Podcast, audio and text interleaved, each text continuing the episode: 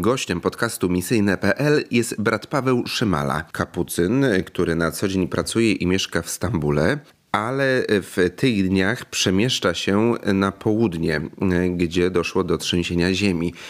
Kapucyni w różnych częściach Turcji mają swoje ośrodki, parafie, gdzie posługują mieszkającym tam chrześcijanom i brat Paweł właśnie przemieszcza się do Mersin i do Antiochii, gdzie doszło do trzęsienia ziemi, gdzie jest potrzebna pomoc. Rozmawiamy zarówno o tym właśnie, jakie będą najbliższe zadania i najważniejsze zadania dla kapucynów pracujących w Turcji, ale o tym też, co już wiadomo, no i jakie są te największe problemy, ale też generalnie o życiu chrześcijan w tym mieście, w tym państwie, w którym większość oczywiście stanowią wyznawcy islamu. Zapraszam do odsłuchania rozmowy. Beracie, proszę e, powiedzieć nam i naszym słuchaczom, w którym miejscu w Turcji brat e, teraz jest i czy to miejsce jest tym miejscem, w którym e, również przed trzęsieniem ziemi, przed kataklizmem brat był, czy w wyniku tego trzęsienia ziemi brat się jakoś tam przemieszczał w kraju?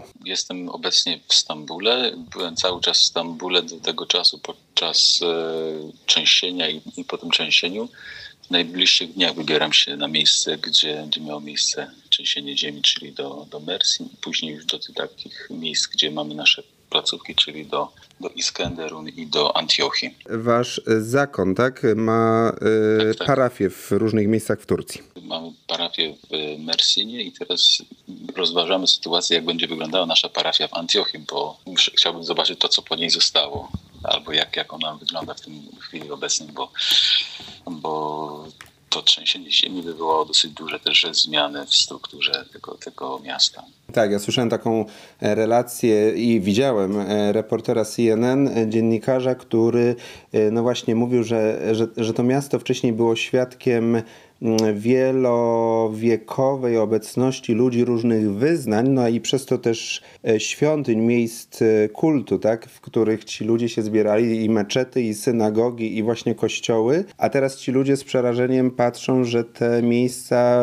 no często w całości albo w bardzo poważnej części są zniszczone. Czy już e, brat właśnie ma jakieś zdjęcia, doniesienia, w jakim stanie jest wasza parafia, wasza placówka? Zdjęcia naszego, naszego domu, klasztoru, gdzie, gdzie pracujemy. Mam zdjęcia i, i okolicy, natomiast e, jest pocieszające to, że klasztor jak, jak, w jakiejś takiej formie całości ocalał. Jest opękany, ale, ale jest stoi. Natomiast to, co jest wokół klasztoru, wokół tych domów, które, które są, tworzą naszą parafię, całą, całą strukturę parafii, no niestety jest jedno wielkie gruzowisko, jest bardzo mało domów e, ocalałych co z tym jest związane? Struktura miasta została bardzo mocno zniszczona, czyli brakuje w tym momencie wody, nie ma kanalizacji, y, prądu tak samo nie ma w Antiochii, więc jest y, krajobraz po prostu jak po, po uderzeniu bomby atomowej. No i niestety bardzo dużo tych, którzy, którzy tam ocaleli, no w takich warunkach nie są w stanie żyć. To są, musieli po prostu opuścić te, te miejsca, swoje domy i nie wiadomo, kto po prostu zostanie z tych ludzi, którzy, którzy budowali naszą wspólnotę parafialną. Więc tu jest jeden wielki problem, bo struktury takie materialne to są drugorzędne rzeczy, natomiast podstawą jest nasze, to budujemy całą strukturę jako, jako mistyczne ciało Chrystusa, więc mhm. przede wszystkim potrzebni są, potrzebni są wierni, nie? a jeżeli mhm. ich tam nie będzie, no to jest to jest problem. Nie? Czyli jest taka obawa, taka prognoza, że mogą po prostu migrować wewnętrznie lub do innych krajów. Y, albo no, po prostu stamtąd wyjechać. Już wyjechali. Mhm. Na chwilę obecną mamy w naszej parafii w Mersynie gościmy około 80-90 osób właśnie z tych terenów y, najbardziej poszkodowanych, czyli z Antiochii, z Iskenderun, tam gdzie są kościoły katolickie, łacińskie. Y, I te wspólnoty, zarówno prawosławne, jak i protestanckie, właśnie y, opustoszeją, emigrują. Jest y, jakieś takie zarządzenie centralne naszego, naszego kraju, żeby te osoby przemieszczały się, migrowały wewnątrz tych prowincji, tych województw, które tutaj mamy na, w stronę zachodu. Natomiast no, to ryzyko, że ci chrześcijanie, którzy tutaj byli, no, z jakimś większym przyzwoleniem, łatwością opuszczą kraj wyjadą, więc ten eksodus chrześcijan, który już zaczął się czasami można powiedzieć dziesięciolecia temu, no będzie dalej trwał i to właśnie taki kataklizm jak, jak trzęsienie ziemi będzie w tym pomagało. Właśnie Antiochia to miejsce no, opisywane i taki jest fakt, jako drugie po Jerozolimie, jako drugi po Jerozolimie ośrodek chrześcijaństwa. Jakby mógł e, brat e, naszym słuchaczom e, przypomnieć, jakie tam były zabytki związane z, z tamtymi czasami i czy one też już ucierpiały przez trzęsienie? Jeżeli chodzi o historię Antiochii, no Antiochia jest już wymieniana na kartach Pisma Świętego, przede wszystkim dzieje apostolskie tutaj bardzo pięknie opisują ten moment, kiedy uczniowie Chrystusa po raz pierwszy zostali nazwani chrześcijanami właśnie w Antiochii. To była jedna z pierwszych wspólnot, gdzie, gdzie działa święty Paweł, gdzie działa Barnaba, gdzie przychodzi Piotr. Także tutaj jest, Antiochia była świadkiem tych bardzo e, bardzo konkretnych decyzji pierwszego, pierwszej wspólnoty Kościoła, jak należy przybrać kierunek rozwoju tej, tej wspólnoty e, pierwszych chrześcijan i tak dalej. Więc y, to jest przede wszystkim dla nas jednym największym zabytkiem właśnie karty Pisma Świętego, które to mówią o tym, o tym miejscu. Natomiast y, ze starożytnej Antiochii, z tego co przetrwało, jeżeli chodzi o zabytki takiej architektury, no tam niewiele y, takich rzeczy, można powiedzieć, odkrywamy, ponieważ Antiochia leży ciągle na tym, w tym terenie bardzo mocno sejsmicznym i ona już doświadczała kilka trzęsień ziemi w historii od początku chrześcijaństwa, więc te, te zabytki gdzieś tam szczępy pozostają, natomiast jest dla nas bardzo ważne to obecność, czyli te, te żywe kamienie, które, które budują i wspólnoty i które są świadkami właśnie tej, tej tradycji, która dotyka samych początków chrześcijaństwa. Zakon kapucynów w Turcji jakbyśmy mogli nakreślić mapę ich właśnie obecności i też skalę obecności w Turcji, zarówno pytam o kapucynów generalnie, wszystkich, ale też w ramach tego, ilu jest Polaków. Tworzymy taką, taką strukturę, która się nazywa delegatura prowincji Emilia-Romagna, włoskiej prowincji Emilia-Romagna. Wchodzimy w skład e, tej prowincji i jesteśmy wspólnotą tutaj w Turcji, wspólnotą międzynarodową. To są bracia, którzy pochodzą z czterech różnych krajów, bo to są, jest z dwóch Polaków, czterech Hindusów, dwóch Włochów i jeden brat z Rumunii. I ta, ta struktura rozciąga się od północy, powiedzmy tutaj od Stambułu, Izmir, e, Efes, na południu Mersin i Antiochia. Mam pięć takich domów naszej obecności, gdzie prowadzimy nasze, nasze parafie, albo sanktuarium w Efezie, sanktuarium Matki Bożej, Domku Matki Bożej w Efezie. Mhm. Także tutaj jest nasza, nasza posługa. Na chwilę obecną jest nas e, dziewięciu, dziewięciu braci w całej, e, w całej Turcji. Wasza posługa, w dużym cudzysłowie powiem teraz, ogranicza się do posługi e, duszpasterskiej, czy też prowadzicie, jak to często bywa w takich terenach misyjnych i właśnie poza granicami kraju, do prowadzenia na przykład nie wiem, jakiejś placówki zdrowia, oświaty albo jakichś takich społecznych aktywności? Żeby dać pełny obraz na to pytanie, trzeba powiedzieć, że Kościół katolicki nie istnieje formalnie w Turcji. Nie jesteśmy mhm. podmiotem prawnym, więc mm. nie możemy jako Kościół, jako zakon, jako parafia prowadzić takich dzieł, które, które zostały wymienione. Więc to tego typu działalność możemy prowadzić, jeżeli stworzymy fundację czy stowarzyszenia na prawie, na prawie tutaj lokalnym i to byłoby w tym momencie akceptowalne. Na chwilę obecną naszym głównym zadaniem jest obecność, zapewnienie obecności i, i posługa pastoralna chrześcijanom, którzy tutaj już są. W większości to są już y, osoby, to są Turcy, którzy konwertowali z islamu Również są rodziny przyjezdne, czy to są cudzoziemcy, którzy migrują z różnych krajów przez Turcję, więc nasza, powiedzmy sobie, wachlarz osób, które, które są w naszej opiece duszpasterskiej jest bardzo szeroki, od rodzimych chrześcijan tureckich, poprzez właśnie imigrantów i poprzez konwertytów, więc to jest taka, taka praca przede wszystkim, taka praca przede wszystkim duszpasterska, nastawiona właśnie na, na obecność z tymi chrześcijanami, zapewnienie opieki takiej sakramentalnej i duchowej. Właśnie to, że Kościół nie może być podmiotem w sensie, w znaczeniu prawnym, rodzi te skutki, o których brat teraz wspomniał, ale też chciałbym zapytać szerzej o takie nastawienie zarówno państwa, ale i społeczeństwa wobec właśnie e, chrześcijan. Czy ta współobecność, współżycie w tym, w tym społeczeństwie jest w miarę spokojne i wolność religii jest zapewniona, czy są jednak sytuacje trudne, e, takie no, czasami może niebezpieczne, albo po prostu no, nieprzyjemne, takie, które sprawiają, że człowiek, y, wyznawca Chrystusa może się w Turcji czuć no, niekomfortowo. Jesteśmy na pewno mniejszości i to jest chyba największy tutaj problem, bo nie obawiałbym się reakcji ze strony społeczeństwa czy kraju, bo konstytucja turecka jest konstytucja, która mówi, o, że to jest kraj laicki, więc y, każdy może tutaj spokojnie wyznawać swoją wiarę, natomiast nie ma jakiejś wiary wiodącej, państwowej.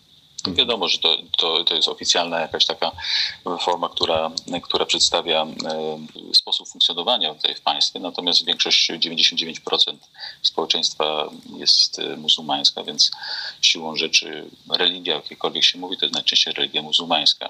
Chrześcijanie, którzy tutaj się znajdują, różnych e, denominacji, a Bliski Wschód cieszy się tą sławą, że tutaj chrześcijanie znajdują się chrześcijanie wszystkich, powiedzmy sobie to, wyznań i obrządków, które, które możemy sobie pomyśleć, mhm. jeżeli chodzi o tak, katolickie. Wszyscy, wszyscy reprezentanci jest, są. Tak, tak, więc to jest bardzo duży y, wachlarz y, chrześcijański. Natomiast jest nas bardzo mało, bo jeżeli chodzi o, o każde wspólnoty, to są, to jesteśmy w bardzo małych takich grupach, gdzie się odnajdujemy. Mhm. Czy zagrożenia jakiekolwiek powstają? Myślę, że zagrożenie, największe zagrożenie jest takie, gdzie jeżeli gdzieś na świecie powstaje jakaś reakcja negatywna w stronę w relacjach do islamu. W ostatnim czasie słyszeliśmy o, o spaleniu ksiąg Koranu. Więc y, automatycznie takie reakcje bardzo łatwo się przeradzają tutaj w reakcji negatywnej do nas, bo, bo wtedy ci bardziej, powiedzmy sobie, radykalni muzułmanie, którzy poczuli się dotknięci takim zachowaniem chrześcijan gdzieś tam na świecie, to bardzo łatwo nas y, mogą w tym momencie znaleźć i powiedzieć, jak to sobie wyobrażacie, tak, traktowanie naszej wiary i tak dalej, kiedy tu próbujemy żyć w takiej jakiejśkolwiek harmonii, w symbiozie. Więc y, problemy pojawiają się właśnie, kiedy gdzieś na zewnątrz jest jakieś napięcie, no wtedy u nas to jesteśmy wtedy jak, jak na, na celowniku bardzo szybko wystawieni na, mm. na takiekolwiek zarzuty i, inne piętnowanie, więc to, to wtedy największe się pojawia zagrożenie. Może nie jakiegoś tam życia od razu, ale na pewno przedstawiania nas w tak negatywnym świetle. Jeszcze zapytałbym na koniec o miejsce właśnie, do którego brat y, się udaje. Jak będzie wyglądała praca tam na miejscu? Jakie będą y, brata zadania? Akcja y, remontu, odbudowywania jest tu w planach, czy jeszcze za wcześnie o tym myśleć? Jestem odpowiedzialny za braci mniejszych kapucynów jako delegat całej delegatury, więc jadę przede wszystkim zobaczę, jak się bracia czują, czy są w stanie, jakim są stanie psychicznym, czy są w stanie pracować i, i jak te, to trzęsienie ziemi na, na nich bezpośrednio wywarło się we znaki.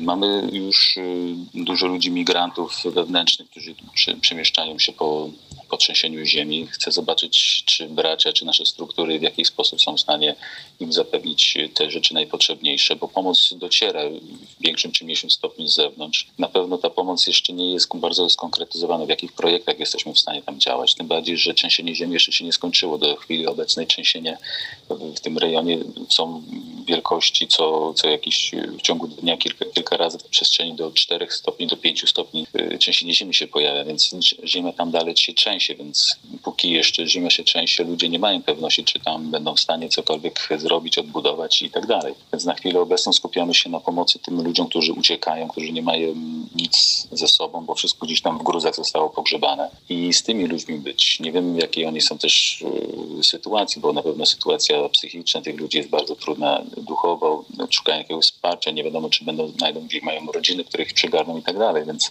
zabezpieczenie życia rodziny, czy tych rodzin, a później e, będziemy się zastanawiać, jak te struktury, czy, czy one będą w stanie być odbudowane, czy będziemy po prostu szukali jakichś nowych rozwiązań na, na naszą obecność w tamtym rejonie. A my tutaj, słysząc właśnie o takich potrzebach, jak możemy Wam pomóc? Przez e, znane nam na przykład jak Caritas albo inne organizacje pozarządowe kanały możemy e, przekazywać środki, które też do Was trafiają, czy jako kapucyni tam działający macie własną zbiórkę, którą prowadzicie? Na pewno można działać kanałami, które, które dysponuje, dysponuje Caritas. Caritas ma tą e, siłę nośną, że jest rozpoznawanym ramieniem, charytatywnym ramieniem Kościoła, więc działa bardzo, bardzo prężnie i, i pięknie, pomagając wszystkim, zarówno chrześcijanom, jak i, jak i muzułmanom, tych, którzy, którzy w danym miejscu się znajdują.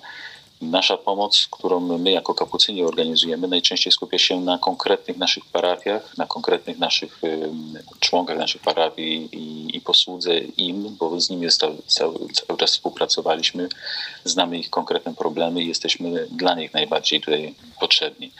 Więc naszymi kanałami e, zakonnymi, czyli środki, które zbierają bracia w różnych, w różnych miejscach świata, też na właśnie na nasze potrzeby, są kie- skierowane do konkretnych osób, które z naszych parafii, z naszych e, ośrodków e, duszpasterskich. Natomiast środkami Caritasu pomagamy całym tutaj obszarom, które tam się znajdują, gdzie Caritas prowadzi swoje, swoje działanie. Więc taka jest różnica. Można jedną i drugą przestrzenią, jednym i drugim kanałami tutaj e, działać i pomagać. Jeżeli chodzi o tą rzecz materialną, bo przede wszystkim jest nam potrzebne wsparcie takie duchowe przez modlitwę, ale też i, i na pewno to, żeby nie zapomnieć o nas, bo jesteśmy teraz w, obiektywie różnych e, stacji telewizyjnych i, i różnych mm, platform e, na, na świeczniku, ale za tydzień pojawią się inne problemy i siłą rzeczy gdzieś ten problem turecki zejdzie na dalszy plan a praca, która tutaj się nam e, szykuje, to jest praca kilkuletnia nawet, jeżeli nie kilkunastoletnia do odbudowy struktur i do działania, więc no, na pewno będziemy tutaj musieli się konkretnie zastanowić, w, jakim, w jakich przestrzeniach działać i jak to będzie dalej wyglądało. To życzymy dużo, dużo sił i, i łask Bożych i właśnie pomocy ludzi. Gościem podcastu Misyjne.pl był brat Paweł Szymala z Turcji. Bardzo dziękuję. Dziękuję bardzo.